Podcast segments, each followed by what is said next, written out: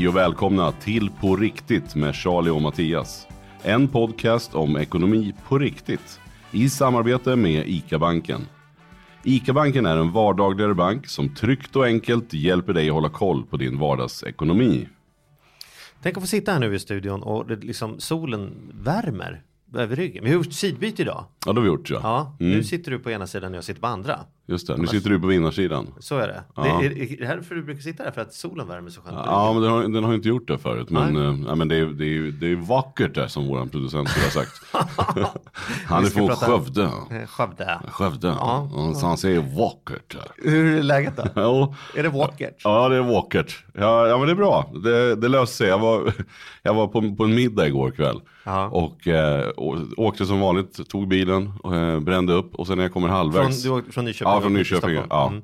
Och sen när jag kommer halvvägs upp så inser jag ju att shit, jag har ingen lägenhet kvar. Eh, för vi har ju sålt den så väntar vi på den andra. Det, det, det har du inte ens tänkt på. Nej. Du bara åker någonstans och tänker, här finns det nog boende. Ja, och, sen, det var, och det var ju en sak. Jag lyckades sen få tag på ett ja, superbilligt hotell. Jag fick bo för 480 kronor och Oj. fick ett dubbelrum på, Oj. på Söder. Det var fantastiskt. Ja. Helt och rent och ja, men skitbra. Eh, men det är då, det, annars är det ju så när man åker då till ett hotell och bor. Då har man ju en necessär med sig. Man har kalsonger, strumpor, någon extra tröja och sådär. För det där har jag alltid i lägenheten annars. Ja. Så att jag, det var ju inte bara att jag liksom inte hade bokat och det löste sig. Men jag hade ju liksom inget rent att sätta på mig. Så att eh, ja, jag köpte en tandkrämstub och en borste i alla fall igår kväll. Så jag kunde åtminstone göra det. Jag kommer ihåg när du och jag var, låg ute mycket som det heter. Mm. Inte i fält men eh, när vi spelade in mycket. Då, då, till slut vart det så här på riktigt att jag sa till i receptionen. Jag tar gärna ett rum som inte är vägg i vägg med Mattias. För du, du har en sån brummig röst. Mm. Och brukar prata. Du, är så, du, du är igång ganska sent. Du är liksom en nattsuddare. Så, så Ja. Snälla ett annat våningsplan till mig. För jag kunde inte sova för man hörde den där. Ah, Rum, rum, rum, rum. Ah, Rum, rum, rum, rum, Ja, men- men du syftar inte på att jag snarkade då? Utan när, när jag pratade telefon? Nej, nej, du, du, ja, Ja. Jag vet inte vem du pratade med där inne, men Ja. du pratades en massa. Ja, fall. ja. Men, Nej, men sen tror jag ja. man det blir extra förstärkt i telefon. Man glömmer, alltså jag, jag kan komma på mig själv att jag glömmer bort att telefonen faktiskt har en, en sån här högtalarfunktion eller en Mm. förstärkande funktion. Man behöver inte skrika, det hörs ju bra ändå liksom. Mm. Eh, men det där glömmer jag bort ibland. Så att, Så var min, så jag hade min, min eh, plastmormor, hon var sån. Hon, hon, hon pratade alltid som om det inte fanns någon mikrofon. Pratade hon med någon i Dalarna, då det måste ha hörts till Dalarna. Hon var, var så fruktansvärt högt så att man, man, man lät som ett skämt. Liksom så här. Ingen människa kan prata så högt. Det, Men det, har- jag, när jag tycker, när, när, jag är inte så mycket bättre för när jag har mobilen och sen är det någon som säger så här, nu hör jag dig lite dåligt. Då höjer jag volymen. Alltså, är det så här, jag känner så här, jag måste göra något. Och Ja, då trycker jag på den där så att det blir- bara högre hos mig. Det blir Ja. inget högre hos dig för att jag höjer volymen. Men sidan, om du höjer så du får högre ljud i ditt öra, då kanske du också pratar högre för du tror att det ska gå fram. Ja, Så det kan ju bli en effekt ja av vi det. kan ändå. väl tänka, säga att det är så jag tänker. Ja, vi tänk, så tänker du. Hör du, det är ny teknik. Men idag ska det inte handla om ny teknik. Idag ska det handla om eh, gammal teknik kan man säga. Ja, just Eller? det. Ja, men jag tycker att det är otroligt intressant. Eh, Jag har en känsla av att, att eh, gamla grejer höjer, är mer populära än någonsin. Det är inte för att Eh, du börjar passera antikhandeln- 50-strecket som den här. Ja, det kan vara så. Det kan vara så. Jag hör ju min, min farsa alltid sa så här, ja du den här, den här du, den är från är tidigt 1700 och den har bara tre ben och no, inga spikar eller vad det nu kunde vara för någonting. Ja. Jag tyckte det var så här måttligt intressant. Men, eh, fast Försöker, för, vill nog föreställa mig, vad kan det vara från 1700-talet med tre ben och inga spikar? Ja, just det. Det var ju något bord eller något. En, en, ett bord, okej. Ja, just det, ja. Mm, ja. Ehm, och jag hade, när jag flyttade hemifrån så kom han med ett, ett jättefint gammalt slagbord. Ja. eh, som han tyckte jag skulle ha. Och jag fattade ingenting. Men sen så, ja, av respekt och jag tänkte så här, ja, jag hade ändå inget annat bord. Så, så jag tog Mm. det där. Men jag fick ju jättemycket beröm sen när, när kompisarna kom och bara, Mm. jävla snyggt bord du har. Ehm, så att, nej, visst, det finns ju någonting i det där. Men eh, det är klart att man kanske tycker det blir intressantare när man blir äldre. Jag vet inte, men jag har ändå en känsla av att även unga köper på sig mer. Det är mer konsten tycker jag har blivit mer aktuell. Eh, prylar, om man kollar på Antikrundan i Sveriges Television till exempel så är det otroligt populärt program. Och jag upplever inte att det bara är liksom pensionärerna som kollar på det. Vet du vad, jag tror, jag tror att eh, om vi ska prata om det som en konsumtionsgrej då, innan vi börjar prata om det som en affär, så tror jag också att det finns en del av eh, lyxbegreppet.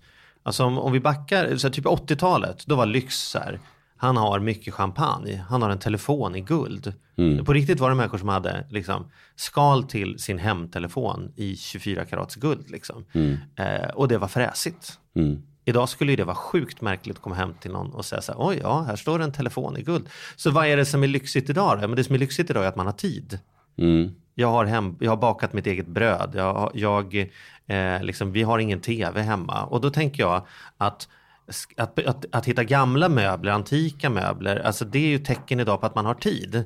Eh, man måste åka runt och leta upp dem om något ska passa och man måste läsa på jämfört med att bara gå in på Ikeas webbshop och så får man hem skiten. Liksom. Så, så, så att jag tror också att ett hem det är en typ av status med gamla saker. Containerfynd man har fixat till. Oj, oj, oj, vad de har tid att vara hemma och pyssla och klä om någon gammal soffa och grejer. Så, att, så att jag, jag, jag, du tittar på mig som att jag inte är klok. Eller? Jo, nej men jag tänker bara. Mm. Du har rätt i det. Alltså så är det ju. För att om man ska ha Långkok är ingen grejer- slump att det plötsligt Nej, blir populärt. nej liksom. precis. Och det är för att man kanske, jag har inte riktigt dragit den kopplingen till eh, äldre möbler och tid. Men det ligger någonting i det du säger. Jag sitter och tänker medan du pratar. Ja. Ja, det är så Ehm, ovanligt att du gör det, så jag känner inte igen blicken. jag Nej, var precis. Nej, jag brukar inte börja. Jag känner dig rätt väl. Så jag Ja. brukar inte, men sen ibland så, så Glimrar det till. Glimrar det till. så, nej, men absolut. Jag tror att det ligger någonting i det. Eh, och att man inte längre bara vill ha den här en sorts hem som alla ser likadana ut, typ Ikea. Utan man vill hitta Mm. den där bordet, den där stolen, eller den där tycker jag var cool. Tavlorna. Jag tycker att man ser mer konst generellt sett. Jag tror inte bara beror på att jag har blivit äldre och har äldre kompisar som är intresserade av konst. Jag, Mm. det, jag har en känsla. Så det här ska vi ju rulla oss i lite grann idag då, och tagit hit en expert. Och då har vi valt inte bara vilken antikexpert som helst utan någon som är, eller specialiserad vet jag inte, men som är extra duktig på just klockor. Det är inte för att jag hade den här tidskopplingen utan du har ju också ett litet extra hjärta för, ditt hjärta tickar för klockor om man får säga så. Det var ett urdåligt skämt. oj, oj, oj, men jag blev visare i alla fall. Ja. Vi släpper det nu, fortsätt. Vi släpper det. Jo, jag tycker det är jättekul med gamla klockor. Och det tror jag beror på att min pappa eh, hade ärvt en klocka från sin pappa då. Alltså min farfar som hade något gammalt fickur så här, som jag har vårdat i ett litet sån här kassaskrin som, som eh, jag har haft sedan jag var liten. Och i det där kassaskrinet har jag några sådana gamla ocirkulerade mynt och sen så har den där klockan le- legat där. En rova. Ja, sen har jag under kanske en tioårsperiod så har jag liksom sprungit över någon, någon, sådär, ja, men någon, någon kompis eller kund som hade någon klocka som fick bra pris på någon märkesgrej. Och sen har det där liksom byggts på. Så jag är super, jag tycker det är skitnice med klockor. Men när vi har fikat med våra gäster här, det är flera där du har liksom sneglat ner på deras ko- klockor och de tvärtom. Och så har det varit så här, ja det här är en sån här från 74 och det här är liksom en sån här från... Liksom, Mm. det, det verkar ju också vara, det är en liten klubb med människor som, jag har ju Ja. inte ens klocka. Jag tänkte här, ja, finns på mobilen och man kan precis. fråga folk. Nej, men, men det, är något, det är någonting med klockor tror jag. Eller upplever jag. Och det, de är ganska få. Men de som väl är intresserade av klockor, då, då slår det nästan över. Då blir man liksom nördig. Eh, och jag skulle säga att jag kanske inte är fullt, full, helnördig än. Men jag tycker Nej. att det är vansinnigt intressant. Och för mig så ser jag ju det som en investering. Eh, och det är lite därför vi har tyckt det var kul att ta hit en expert då, på gamla grejer. Eh, han är expert inte bara på klockor utan även generellt sett eh, på gamla grejer. Så det ska bli intressant att höra. Och han är också ofta med i Antikrundan. Alltså han är en av de profilerna som är, eh, som är med, i- eller som gör Antikrundan. Ja, men det, här, det här känns, jag är superpepp. Kan gamla saker inte bara vara fint utan dessutom vara någon typ av investering eller pengamaskin. Det är väl det vi ska rulla oss i idag. Ja. Ska vi ta in honom? Vi tar in honom. Mikael Wallhagen, kom in.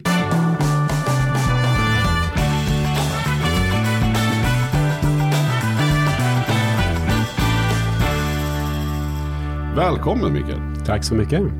Du är ju, vi har precis sagt att du är ju eh, expert och proffs på gamla grejer och framförallt då på klockor. Ja. Eh, hur, kan du inte berätta, vem är du? Varför blir man, hur, blir man, hur blir man sån? ja, alltså det började ju med att jag gick på urmakarskolan i Borensberg där den låg då nere i Östergötland och eh, utbildade mig till urmakare helt enkelt. Och sen så jobbade jag som urmakare i fyra år och eh, sen... Vänta, det gick för fort, Micke. Varför? Man måste ändå säga att det är ett ganska ovanligt yrke att säga så här.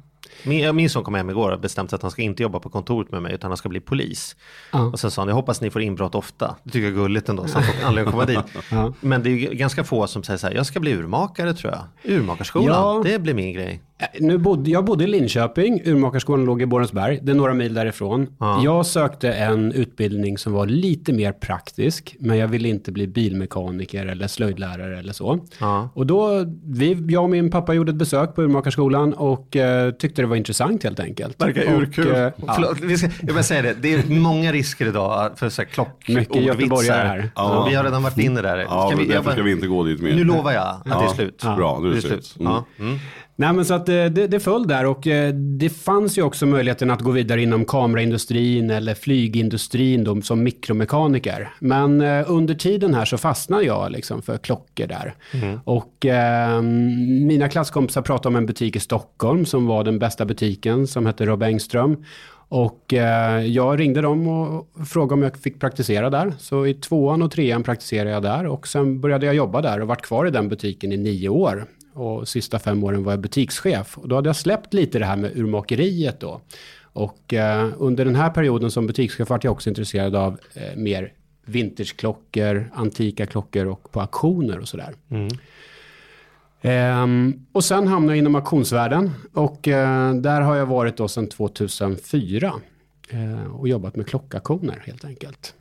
Klocka, men eh, vi pratade om det här nyss att Mattias har ju snöat in lite på klockor och min upplevelse, han verkar inte vara ensam. Det är många vi har här i studion som verkar vara lite klockintresserade. Är det här ett, är det här ett område som liksom har, bub, är det en bubblare det här? Ja, man kan väl säga att armbandsuren är ju inte egentligen antika förrän nu. Man brukar prata om hundra år för att vara antikt. Just och armbandsuren var egentligen populära efter första världskriget. Och då är vi ganska nära hundra år här nu.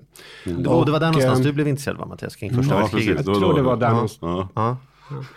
Eh, och eh, av mellankrigstiden var det fickur blandat med armbandsur och sen efter andra världskriget så var det nästan uteslutande armbandsur. Då. Och eh, man, jag, jag tror så här att intresset hos generationen som växer upp nu och tjänar pengar, så att säga, varför det landar på klockor, och det är framförallt hos killar då, så att säga, det är ju för att det här är någonting, det är ett smycke för män, eh, någonting man kan bära med sig, någonting som leder till möten, samtal, eh, det är liksom en talking piece. Eh, och eh, pratar vi, eh, om vi pratar djurfoder och har möte till exempel och du, du och jag har varsin fin klocka, då kanske mötet börjar handla om klockor istället och man får en annan typ av relation. Liksom. Frågan är varför Eh. vi skulle vilja ha ett möte om djur. Just. Ja, Ja, det- Jag kan dra ett exempel bara, om vad som helst. Tänk om vi har ett möte om djurfoder. Ja, precis. Till exempel, ja, det är ett till exempel. Ja. Det är väldigt långt ifrån klockor i alla Ja, fall. jag förstår vad du menar. Och Okej. ekonomi också Ja, för den ja, delen. Ja, så. Att eh, det var längst ifrån jag kunde komma Ja, på. men jag fattar vad du menar.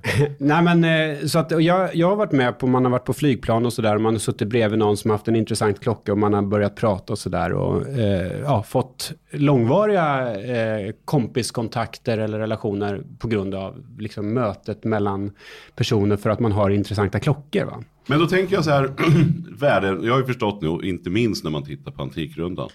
Ehm, även på auktioner och när man läser tidningarna. Så, så jag upplever att det har blivit mer populärt med, med värdesaker. Alltså att Antikrundan har ju massor med tittare och att det liksom går ner i åldrarna. Man blir mer och mer intresserad av gamla grejer.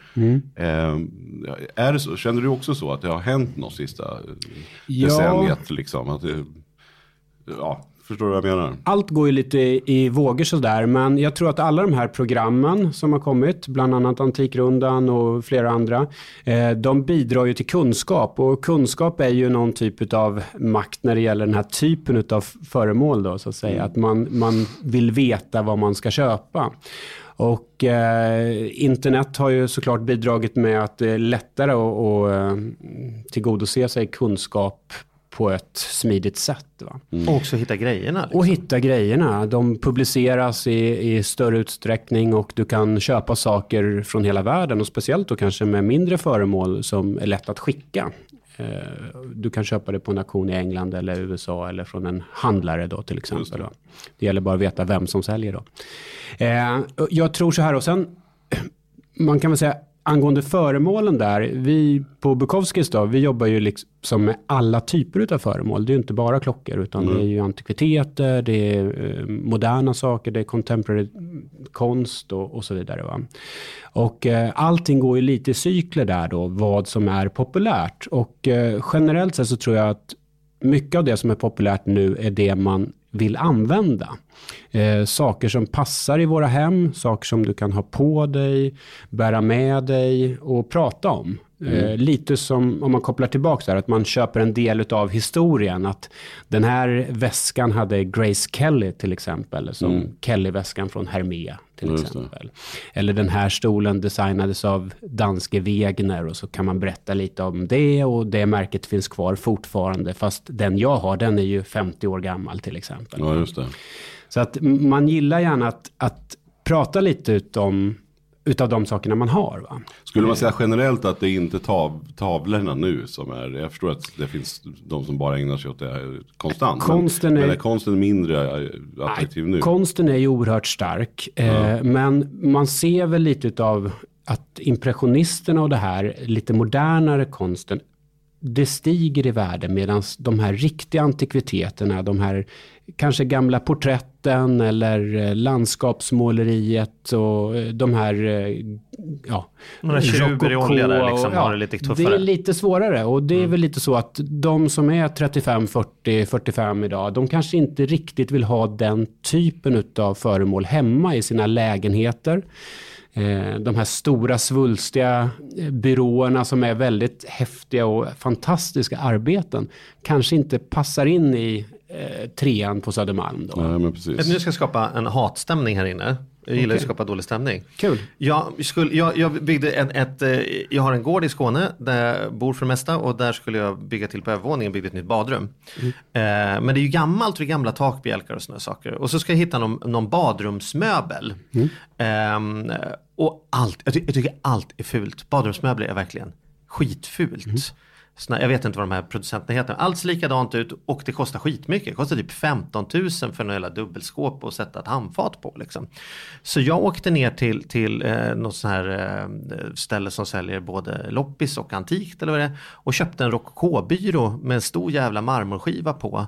Eh, målade över den i svart och lite sliten, skruvade tillbaka beslagen, eh, tog en firma som borrade ett hål i skivan och satte handfatet på den en femtedel av priset och är liksom, eh, man kan inte säga en conversation piece för det är inte så många som är på toaletten samtidigt. Mm. Men det lyfter hela, hela rummet. Nu kommer ni gråta säkert för jag förstörde säkert något värde där. Men, men det kom till användning. Absolut och det där, man kan ju bara hoppas då att det inte du råkade fynda någon Stockholmsmästare från 1700-talet och, och förstörde den möbeln då, utan att det var då kanske en en senare produktion i gammal stil eller någonting sånt där. Och då kanske den inte hade så stort värde och då tycker jag, då är det ju jättekul att köpa en sån och kunna använda den. Ja. Och, eh, du bor ju då stort på en gård som du beskriver och eh, då kanske den här typen av lite större möbler och eh, lite äldre tavlor och sådär, det kanske passar in där. Och, och det är ju, jag jag tror att de är väldigt prisvärda den här typen av antikviteter idag. Eh, för att de inte är så populära just nu. Ja, eh, Men så, som jag sa tidigare, allt går i cykler. Så att mm. om vi ser kanske om 10 eller 15 år så kanske det här kommer tillbaka mer. Alltså mm. våra barn som då ska inreda sina lägenheter, de kanske vill ha det här eh, rokoko och gustavianska eh, i sina lägenheter igen. Mm. Man vet ju inte. Jag tänker också, jag tycker att det är en liten hysteri bland ungdomar just idag på, på märken. Om vi tänker på 90-talet till exempel. Grungen och hela den här grejen. Då var ingen som bar några märken. Det var lite mm. baggy jeans och lite löst och lite loose. Och man, det var ingen som sprang omkring med märkesgrejer. Nu upplever jag att, att, det ska vara så otroligt mycket märken. Det ska vara fina väskor och det ska vara Ja men allting. Det ska vara speciella kläder och, och, och sådär. Och då tänker jag, kan det vara också någonting som gör att, att de här äldre grejerna lyfts fram, märkena? En Louis Vuitton-väska ser ju likadan ut mm. nu som då. Eh, ja, men att, att man vill ha de här grejerna som syns, att det är liksom flashigt att gå omkring med dem. Ja, igenkänningsfaktorn är ju eh, på något sätt eh, en viktig del och det är ju en status, eh, ett statusföremål då. Mm. Om du har den här typen av väska, om, om som du säger Louis Vuitton-väskorna då med stora märken. Men tar du till exempel då som jag sa tidigare då en Kelly-väska eller en Birkin-väska så är ju inte alls den lika tydligt märkt då. Nej. Men den är kanske tio gånger så dyr. Eh, så att det är väl både och där. Alltså, du har ju de som vill ha fina saker men där det inte riktigt syns på det sättet. Och tittar man på klockor där så finns det ju de ännu mer exklusiva märkena så att säga än Patek Philippe och Rolex och Jaeger LeCoultre och sådär. Det är ju sådana märken som inte alls har så stora eh, namn på tavlan och syns så mycket och nästan ingen vet vad det är för någonting. Mm. Eh, så här som lite den hemliga klubben. Ja. Vi som fattar vad det här är, att det här är värsta grejen. Men för Precis. de flesta kommer det bara se ut som vad som helst. Liksom. Och det finns ju de Patek Philippe-klockorna som kanske har ett extremt avancerat urverk. Men urtavlan är helt ren. Så att mm. det ser ut som en helt vanlig klocka. Men du kanske har en tourbillon eller en minutrepeter då. Eh, för de som vet vad det är. Eh, jag bara nickar lite artigt här ja, Jag har inte ens Under då och, men man ser det inte ens. Mm. Det är bara för, för ägaren eller men så här, jag tycker det är spännande, för jag, jag tänker vi, vi, vad vi vill komma in på det är ju, för det, på riktigt är en ekonomipodd, så vi vill ju kanske börja glida ifrån eh, liksom vad vi älskar och kanske mer titta på, kan man se på eh, antikviteter och, och vintage och, och, och sådana saker, kan man se på det som en bra ekonomisk investering också? Eh, alltså kan, kan det vara ett alternativ till sätta det aktieindex, att faktiskt köpa en klocka och omkring ha den på armen och sådana saker. Men innan vi går dit så tänker jag, en ekonomidel i alla fall som jag har fascinerats över. Det, det, jag kommer ihåg när jag, jag läste företagsekonomi på, på gymnasiet.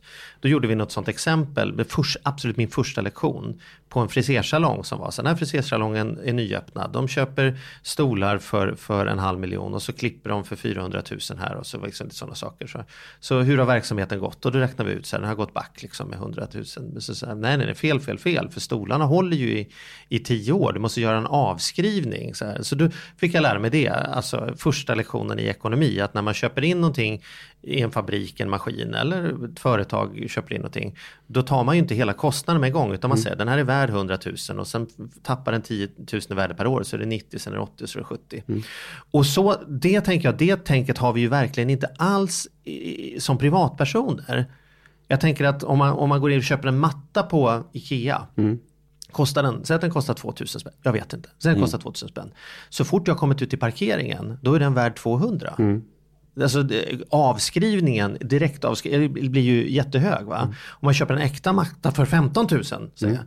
då gissar jag att 15 år senare är den fortfarande värd 15 000. Det vill säga den är egentligen gratis. Mm. Jag, har, jag har det hemma hos mig och, och, jag har lagt in pengarna i det. Men jag kan alltid hämta tillbaka lika mycket pengar som jag en gång hade. Det, det, det, så, så egentligen skulle man tänka då att den typen av affärer borde ju alla ha antika möbler hela tiden. För att det är ju på sätt och vis, om man bara kan låna ut pengarna till sig själv ett tag så är det ju gratisköp. Liksom.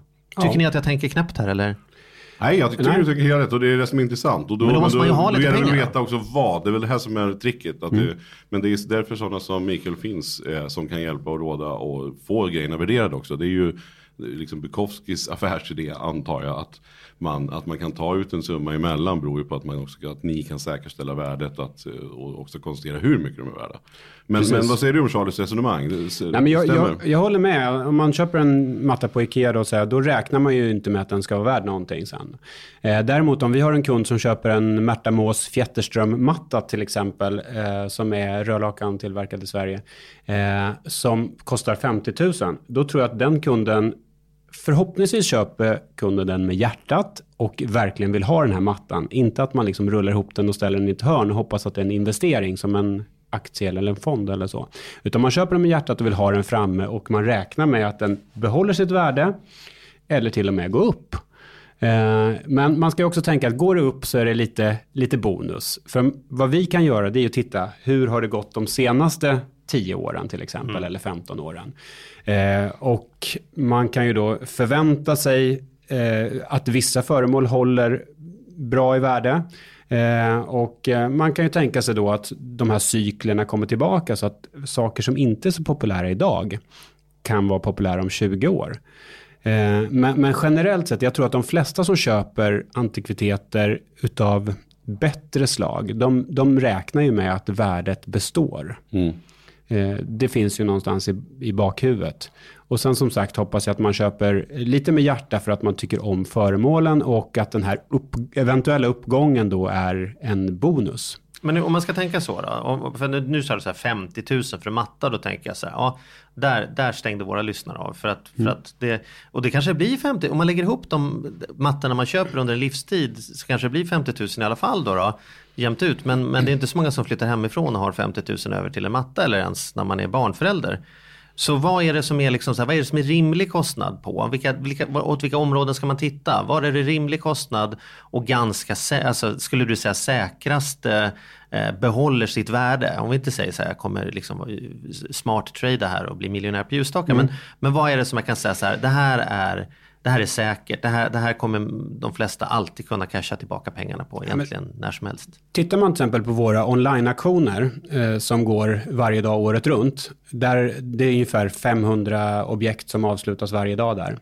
Tittar man till exempel att man skulle möblera en lägenhet med de möblerna som finns eh, under en veckas tid eh, hos, eh, hos oss då till exempel. Jag lovar att det skulle bli billigare att möblera med begagnade eh, vintage och antikmöbler en lägenhet än att köpa nytt på Ikea. Och då tröttnar man kan man med all sannolikhet sälja de här möblerna och få tillbaks den större delen utav pengen. Eh, köper man då dyrare på Ikea så har de i princip kanske inget värde när du ska sälja dem om tio år. Då. Men varför gör då inte alla detta? Vad är ert misslyckande här på något sätt? Nej, jag tror att Som det branschen. helt enkelt är enklare att gå och köpa det på Ikea. Sen så tror jag, vi var inne på. Ja. Ja, sen så tror jag också att eh, att köpa begagnat har ju ökat väldigt, väldigt mycket eh, generellt sett bland unga idag. Och det är lite trendigt och sådär. Så att, och, och jag tror att det har varit en enorm ökning om du tittar senaste tiden, backa 20 år. Att köpa på auktion var ju väldigt, väldigt exklusivt förr. Medan idag är det lite för för varje person kan gå och köpa på en auktion eller i en vintersaffär eller du kan köpa ett klädesplagg begagnat. Det är helt okej idag. Mm. Ja, visst. Och det Ja, är och till och med trendigt va? Ja. Vi pratade ju om klimatpåverkan eh, bara för några veckor sedan här. Mm. Och här kan man ju snacka om att göra ett bidrag i klimatpåverkan. Ja. Köpa en möbel som tillverkades för hand för hundra år sedan. Liksom, Precis. ha- har ju liksom, klimatpåverkan är avskriven vid det här laget kan man Ja, säga. kan man jämfört med att köpa någon ny. Ja. Nej, Ja, men, Sen, sen kan jag också tycka att eh, jag har en hel del klienter som, som eller ofta så får jag frågan sådär att ja, men jag, jag har lite pengar över, vad ska jag göra med dem? Och då är det kanske på en nivå som är för liten för att man ska kunna säkerställa om man går in på, på ja, men som börsen eller liksom rena aktier och sådär. För att då, då, det kanske handlar om, ja men jag har 200 000 och jag tycker inte jag får någonting, eh, liksom i, ja, vad heter det, ränta på, på bankkontot. Det får man ju inte idag, det är ju Nej. ingenting. Och, och då brukar jag säga att ja, men det ligger ju en risk i det. Det du kan göra är att gå in på aktiemarknaden. Men du måste ju också vara beredd att, att förlora en del av pengarna. Eh, och just när det inte är mer, det låter ju hemskt att säga att det inte är mer för 200 000 är jätte, jättemycket pengar. Men inte tillräckligt mycket för att du ska kunna säkerställa en placering eh, rent ja, på börsen eller liknande. Eh, men då har jag faktiskt sagt till några av mina, liksom att kanske kan du hitta någonting kul med de här då. Och göra någonting som både så här, hobby, intresse, roligt. Till exempel då att köpa eh, ja, men någon, gamla grejer. Någon fin Absolut. möbel, en, en väska, klocka eller någonting sånt där. Så, så upplever jag ju att det Petter tycker man ska köpa gurur för pengarna, alltså gitarrer. ja just det, precis. Eller gammal gitarr eller vintage eller någonting sådär. För det känns ju ändå som att det är, du har åtminstone roligt för grejerna. Och, Absolut. och de, de klockor jag köper till exempel, det är ju sådana som jag, de vill jag ha på mig. Mm. Eh, det är inte några supervärstingar på något sätt, men, men, men jag blir glad varenda gång jag tittar vad klockan är, för att jag är stolt över klockan liksom. Ja, och där tror jag att det har gått från att man samlade på mynt och frimärken, hade en perm hemma. Att man, man köper saker man vill, man vill använda. Du köper en gammal eh, vintage Porsche eller du köper eh, vin som du kan njuta av. Eller du köper en tavla som hänger över soffan som du kan titta på. Eller en fin stol som du kan sitta i. Va? Eh, Så att du köper mer och mer saker som man använder. Och, ehm, ja, och en, en tavla till exempel, jag menar, jag, jag tycker man ska försöka köpa det bästa i den genren man har råd med. Sen om man kan köpa en litografi för 4 000 eller om man kan köpa en äkta då, tavla för 200 000. Men man försöker hitta liksom den bästa kvaliteten för den summan som man är beredd att lägga ut. Mm. Och, och, det går ju faktiskt att göra. Till exempel vill du köpa en Lars Lerin-målning då, eh, så, så, kanske den kostar 100 000 om du ska köpa en akvarell, om det är en ganska billig då. Mm. Eh, Medan om du köper då en litografi så kanske du kan få den för mellan 5 och 10 000 kronor. Mm. Vad är en litografi då för den som inte det är då kommit ett, så långt i sin Ett, ett tryck då till exempel ja. att man, man har en förlaga och så trycker man kanske 200 stycken och sen är de då signerade och numrerade. Va? Just det. Eh, så att, men som sagt, fundera på vad vill man investera och sen så vad gillar man? Köp med hjärta. Och så, så lägger man, försöker man utröna den bästa kvaliteten för den summan. Då. Och mm. där kan man ju ta expertråd och, och fråga runt och sådär. Mm. För ofta är det kanske någonstans de pengarna och det, jag vet också många som, som kanske ärver efter sin mamma eller pappa mm. eller sådär. Va? Så kanske är det ofta en, en sån summa pengar det handlar om. Det är en skvätt över men, men, och, och, betydande mycket pengar men inte tillräckligt som sagt för att kanske och inte vill riskera det genom att lägga dem i aktier till exempel. Nej. Men, men om vi en, en, en hypotetisk fråga. Men om du nu skulle sluta med det här och så säger du så här. Ja, men jag, jag, kan, liksom, jag börjar som förvaltare istället av mm. pengar. Tror du att om du fick de där 200 000 och fick ett år på dig. Skulle du kunna få dem att växa 10, säg 10 procent? Ja men det tror jag absolut. Mm. Det, det, det, är känslan. För att man vet ju, man har ju tentaklerna ute då och vet ungefär vart branschen är på väg i närtid. Men är du man... rik då? Är det som att du har tradat ihop en massa pengar på, på din, din kompetens? Nej, nej, alltså jag, jag, tycker så här att eh, visst, jag har ju lite klockor, eh, men, men det är ju som med bostäder eller så, man blir ju aldrig rik förrän man säljer dem och oftast om man gör sig av med en klocka så köper man ju en annan. Så att eh, så för dig är det fortfarande, du, du, liksom, det, är, det är ett värde men, men du har inte realiserat, det är inte som att du, kan du gå, så här då, kan du gå i pension idag och leva på din antikvitetssamling? Liksom? Nej, det skulle jag inte kunna göra. Nej. Utan jag får nog slita på lite till. Okej. Okay. Ja. ja. Men, är det, men är det ett mål liksom att, att bygga upp ett kapital? För det tänker man ju så här att skulle man, om man är bäst i världen på aktietrading. Man har mm. suttit i 20-30 år, man kan känna igen en vinnare, man håller på med det här. Då tänker jag ju så här, den personen har ju fått ihop en, ett privatflygplan mm. och eh, en villa i Malibu och sådana mm. saker. Så här. Har, eh, liksom, skulle du kunna plocka ihop en villa i Malibu och ett privatflygplan på din antikvitetskunskap? Liksom? Görs det bland proffs? Det görs bland proffs eh, och jag menar st största antikvitetshandeln den är i USA och där finns det en del extremt eh, stora handlare som håller på med klockor och smycken oftast som, eh, som det har gått väldigt, väldigt bra för. För man ser de här tv-programmen nu, när jag inte kan sova på nätterna så händer det ibland att jag slår på tvn och hittar sådana här då är det någon som åker runt på gårdar och letar upp gamla liksom, saker som de, som de säljer vidare. Så det budar på garage och fan vad det är. Men mm. liksom, så det verkar ju finnas en nisch med människor som, som jobbar med själva, jag försöker köpa billigt och sälja dyrt grejen. Liksom. Absolut. Eller är det bara en tv-romantisering? Ja, nej, men det, det, så är det ju. Men precis som du säger, att när du inte kan sova på nätterna. Eh, det är det jag tycker är väldigt skönt med att jobba med aktioner, att det är väldigt transparent. Mm. Eh, våran, vi vill ju samma sak, både säljaren och vi som auktionshus vill ju liksom presentera föremålen på ett bra sätt och beskriva dem och få rättvist pris för dem. Mm. Eh, är du då en antikhandlare och, och jagar runt och försöker köpa så billigt som möjligt och sälja så dyrt som möjligt, då det är inte riktigt lika transparent om man nu säger så. Eh, så, så där, där på något sätt som aktionist då så, så har man ju fördelen att man, man strävar åt samma håll som den personen som säljer föremålet.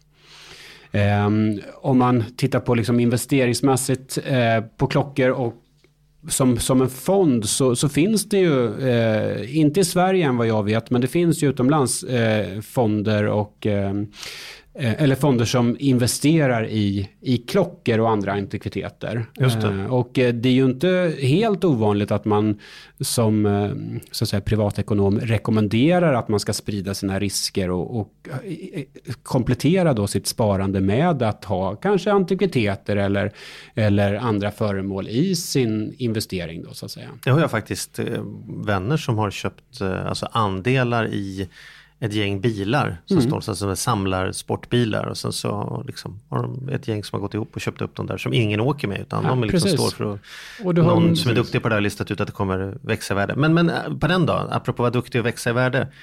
Jag, jag förstår ju att det här är den frågan du får på alla middagar, men, men, men om vi, vi måste gå dit. Liksom, vad skulle du säga? Vad, är, vad skulle du vara beredd att liksom äta upp din hatt på att det kommer vara värt mer om tio år? Om vi skiter i hjärtat för ett ögonblick och så tänker vi så här, jag, jag, jag, har, jag, jag vill bara se till att köpa antikviteter som jag vet att det kommer vara en bra affär för mig eh, sen när jag behöver dem. Liksom, på tio års sikt, vilka områden jag, ska jag man titta? svarar ju då på, på klockor eftersom det är det jag känner att jag kan äta upp min hatt på då. Ja. Och då skulle jag säga så här att, att köpa ett, en klocka eh, som, som är i väldigt, väldigt gott skick och är komplett med tillbehör, box, certifikat eh, och är helt original, inte några delar utbytta på. Eh, till exempel då en Rolex Submariner från 1975 till exempel som är helt komplett. Om du skulle lägga 100-150 000 på en sån idag så kan jag nästan lova på tio år att den har gått upp i värde om inte så att säga världen går under då. Eh, men fortsätter ekonomin ungefär som den har gjort idag så, ehm, så, så kommer den ha ett högre värde idag. Jag skulle köpa en klocka som för de allra flesta är väldigt mycket pengar. Pratar kanske mellan 30 och 100 000. Men jag skulle inte köpa en klocka för kanske 500 000. Eh, för den är också betydligt mindre kunder som köper sen. Men tittar man på en klocka som ligger kanske mellan 30 och 100 000, där finns ganska många köpare idag. Och jag tror att det finns, kommer finnas ganska många köpare om 10 eller 15 år också. Men måste man gå så högt då? Man kan, man kan inte göra, det finns inga 5000 klockor man Jo, kan... absolut. Om man tittar till exempel på Mega då, eh, som backar 10 år så köpte du en bra Omega för mellan 1000 och 2000 kronor. Idag ligger de kanske på 4-5 tusen kronor för en bra Omega. Och du säger Och jag att de tror ligger säkert på att de 6, kan 7 ligga på 6, 7, 8 om, om fem år. Ja. Eh, så där har du ju liksom en, en lägre tröskel då för att köpa eh, ett kvalitetsur. Satsa på mekaniska klockor, alltså sådana som har fjäder, inte batteridrivna. Eh, och som sagt, titta på skicket. Låt eh, någon hjälpa till och avgöra om allting är original eller inte. Men eh, titta på skicket och köp det som är bra nu. Och sen förändra inte någonting heller på det. Utan eh, gå inte då till en urmakare som då så att säga renoverar den och byter ut delar och så vidare. Och jättebra. Förutom klockor då? Du måste, Mm. Även om det är din expertis så hänger du hela dagarna med sådana här Antikrundan människor. Så, Ja, precis. Vad, vad är det mer då? Är, är det, du var inne på väskor till exempel. Är det väskor, möbler, tavlor? Vad, Dräkter, vad skulle du säga? ljus- Alltså vill man riskera lite mer, då skulle jag säga så här, att man ska köpa de antikviteter, antikviteterna som inte är så populära idag. Eh, om man satsar då på att den här trenden vänder. För de är väldigt, väldigt prisvärda idag. Som Vad är det då? till exempel- 1700-tals, alltså eh, lite de här, den här typen av förgyllda möbler, eh, lite landskapsmåleri, eh, lite ljusstakar och sådana saker. Eh, det, det är ju det har gått ner lite i pris och, eh, och även orientaliska mattor då som är eh, antika. Det har gått ner lite grann i pris. Eh, så att sånt är ju då eh, mer potential då att kanske öka i värde. Men det är mer osäkert. Annars ska man titta liksom på vad, vad är bäst i sin genre idag. Eh, mo- modernist, eh, modernisterna eller impressionisterna till exempel har ju haft en uppgång och vi tror väl inte att den är på väg tillbaka heller. Ehm, som sagt, eh, Lars Lerin har ökat väldigt mycket i värde sista tiden. Om det är på grund av hans tv-framträdanden eller inte, det vet vi inte. Men eh, Men så här, den går upp. Ja. det har gått upp, va? Om det fortsätter upp, mer osäkert. Eh, de danska möblerna, eh, Jul, eh, Wegner, eh, Kärholm, eh, oerhört populärt. Eh, troligtvis fortsätter det att eh, vara populärt. Josef Frank, alltid populärt. Eh, det är generationer som fortsätter att köpa det. Eh, den designen. Mm.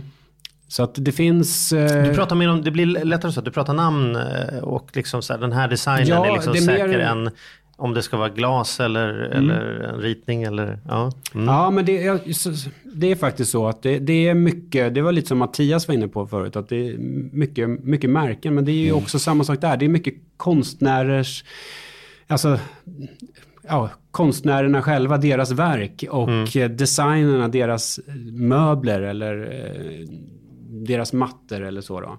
Eh, sen som sagt, där får man ju då titta, tittar man på Kärholm, då måste man hitta en möbel som man själv gillar. Man, mm. Jag tycker inte man ska köpa en möbel bara för att det är en Kärholm och sen så inte gillar den. Mm. Och bara hoppas att den går upp i värde.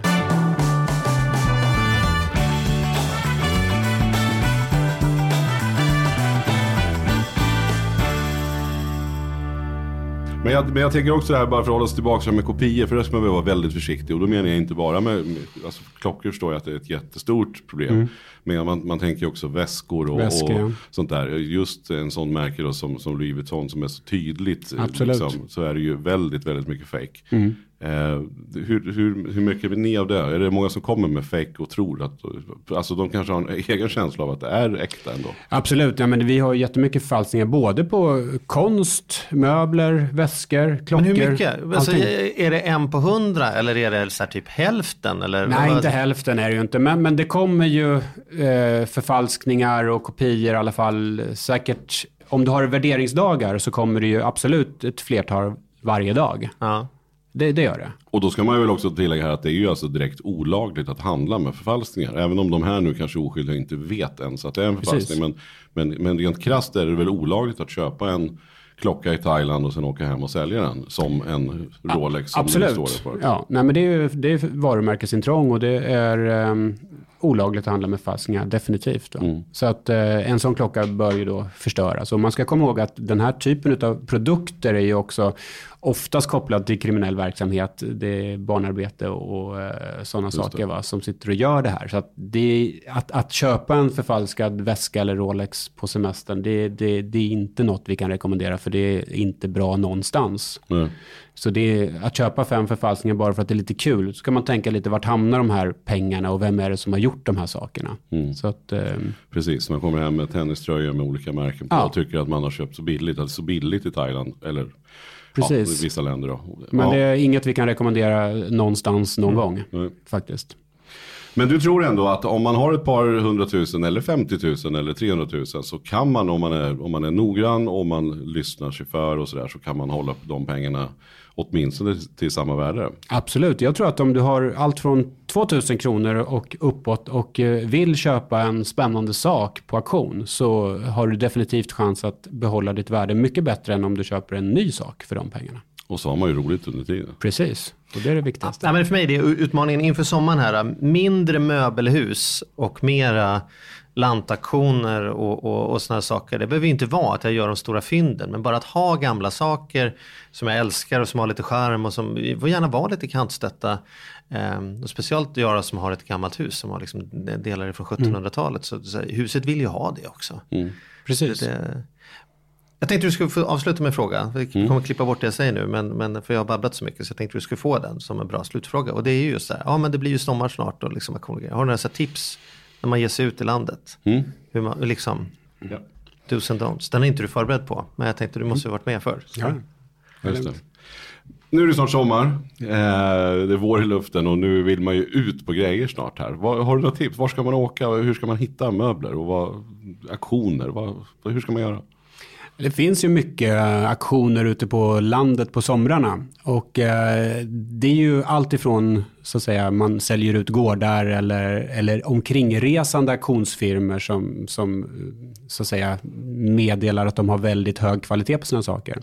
Jag skulle säga att de ska man nog vara lite mer försiktig med. Eh, däremot de här eh, gårdsaktionerna, där kan man ju faktiskt fortfarande hitta fynd. Mm. Men du måste vara ganska påläst om du ska hitta fynden på gårdsaktionerna. För att det är ju oftast väldigt mycket vanliga saker och eh, då får man verkligen köpa med hjärtat för att man vill ha saken. Mm. Och ska du göra fynd på de här gårdsaktionerna, vilket man absolut kan göra, då måste man vara lite påläst. Mm. Men kolla i de lokala tidningarna eh, och eh, se vart det är sådana här aktioner. Och jag skulle rekommendera de här eh, marknaderna eh, där det då är mer antikviteter, där folk har liksom tagit saker från sina hem. Eller de här eh, rena gårdsaktionerna där man då har en gård som eh, ska säljas ut inkråmet i då så att säga. De säljer det direkt och där det inte har varit någon och tagit då eh, de russin som finns. Utan... Kanske man ska titta i de, de här små lokala tidningarna som ju faktiskt fortfarande finns. Också. Absolut. För där brukar de ju vara duktiga på att skriva vad som händer, mm. i, händer i bygden och sådär. Ja.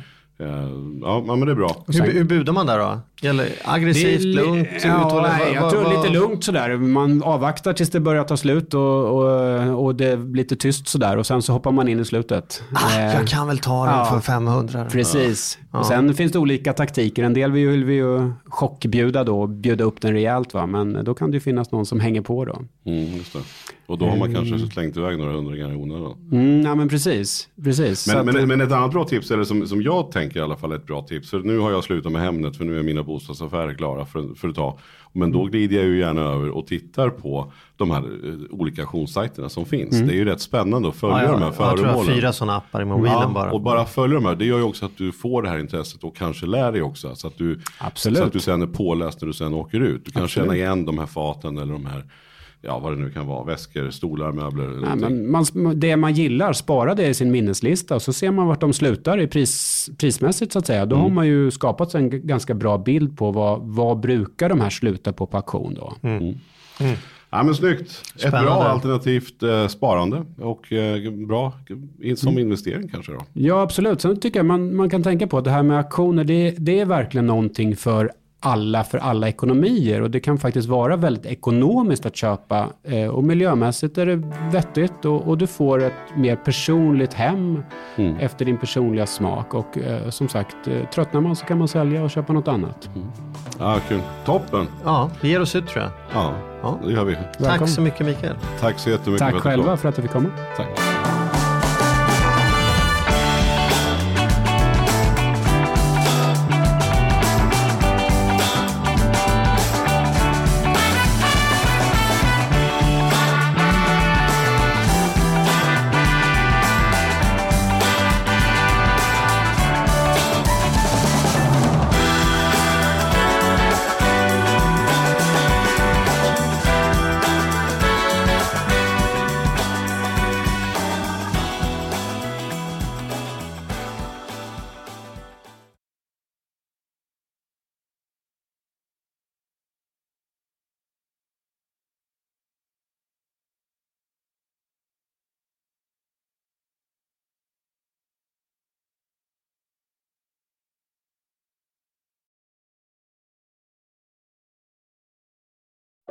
Säsong av Robinson på TV4 Play.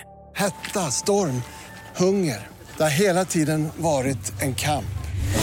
Nu är det blod och tårar. Fan händer just det. det detta är inte okej. Okay. Robinson 2024, nu fucking kör vi. Streama söndag på TV4 Play.